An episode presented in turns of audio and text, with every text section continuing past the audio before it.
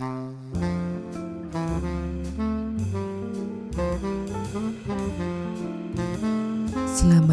pagi saudara. Kembali kita ada di dalam sapaan pagi. Mendengarkan Tuhan menyapa kita di dalam firman-Nya. Namun sebelum kita mendengarkan sapaan dalam firman itu Mari teduhkan hatimu dan kita berdoa. Terima kasih ya Tuhan. Hari baru telah kau berikan dalam hidup kami. Hanya dengan berserah kepadamu, kami mengucap syukur untuk segala anugerah hidup ini. Hanya dengan belajar dekat dan lekat padamu, untuk terus mendengar Engkau melalui firman-Mu.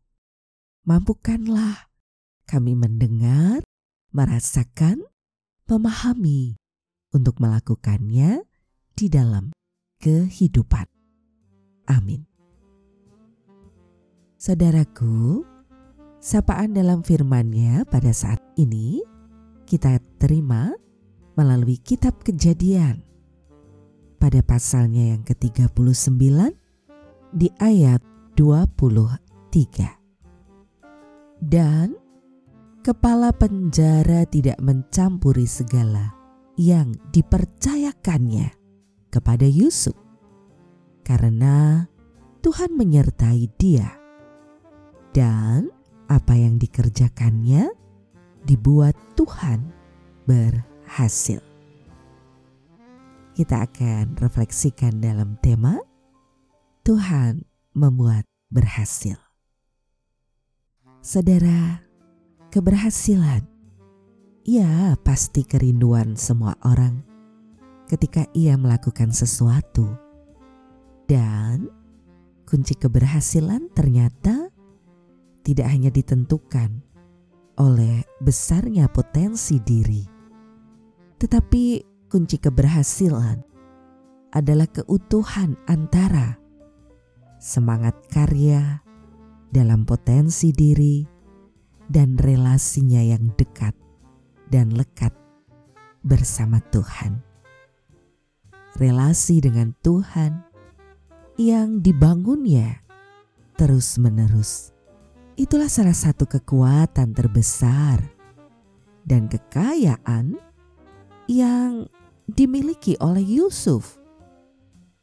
Dalam narasi melalui kitab kejadian yang kita baca tadi di satu ayatnya.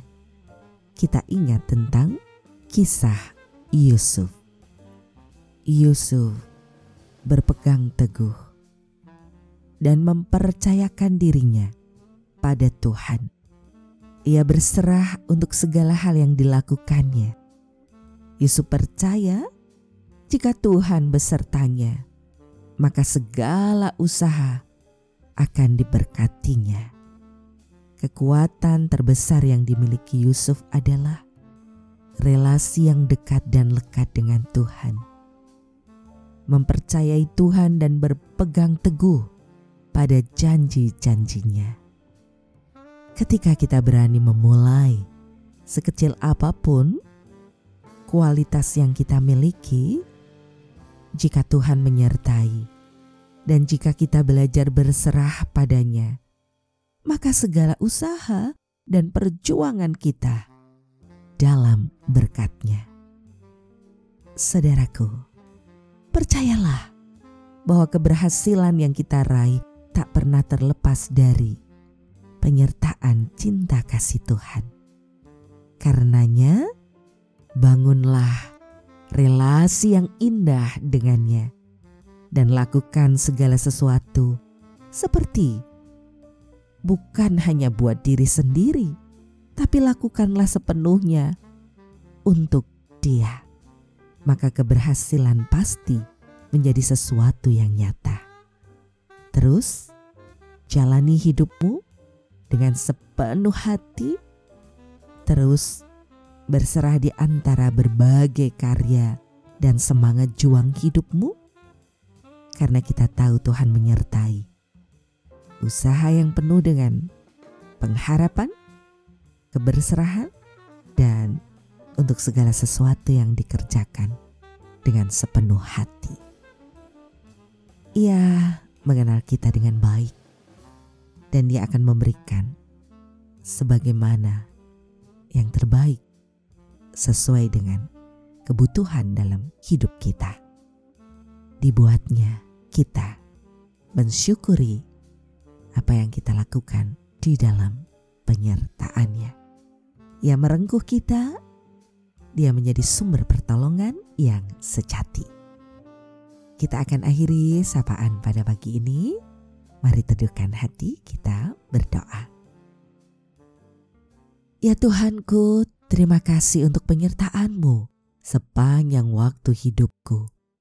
Ada di dalam rengkuhan kasih dan cinta yang menjadi energi kehidupan dalam setiap karya, upaya, semangat, juang yang kami lakukan. Kami belajar berserah padamu. Karena kami tahu kau beri kami yang terbaik sesuai dengan apa yang sejatinya kami butuhkan. Kau buat kami menjadi berarti, begitu berarti. Dengan pekerjaan-pekerjaan cinta dan kasih yang kau berikan dalam hidup kami. Ini kami Tuhan, belajar berserah padamu seutuhnya. Ini kami Tuhan, hanya di dalam Engkau. Juru selamat hidup kami yang sejati, doa ini kami naikkan. Amin. Saudaraku, demikianlah sapaan pada pagi hari ini. Terus dengarkan Tuhan menyapa kita di dalam firman-Nya. Saudara bersama saya, Esti Widya Stuti, Pendeta Jemaat Gereja Kristen Jawa Pakem, ada di lereng Gunung Merapi. Tuhan memberkati.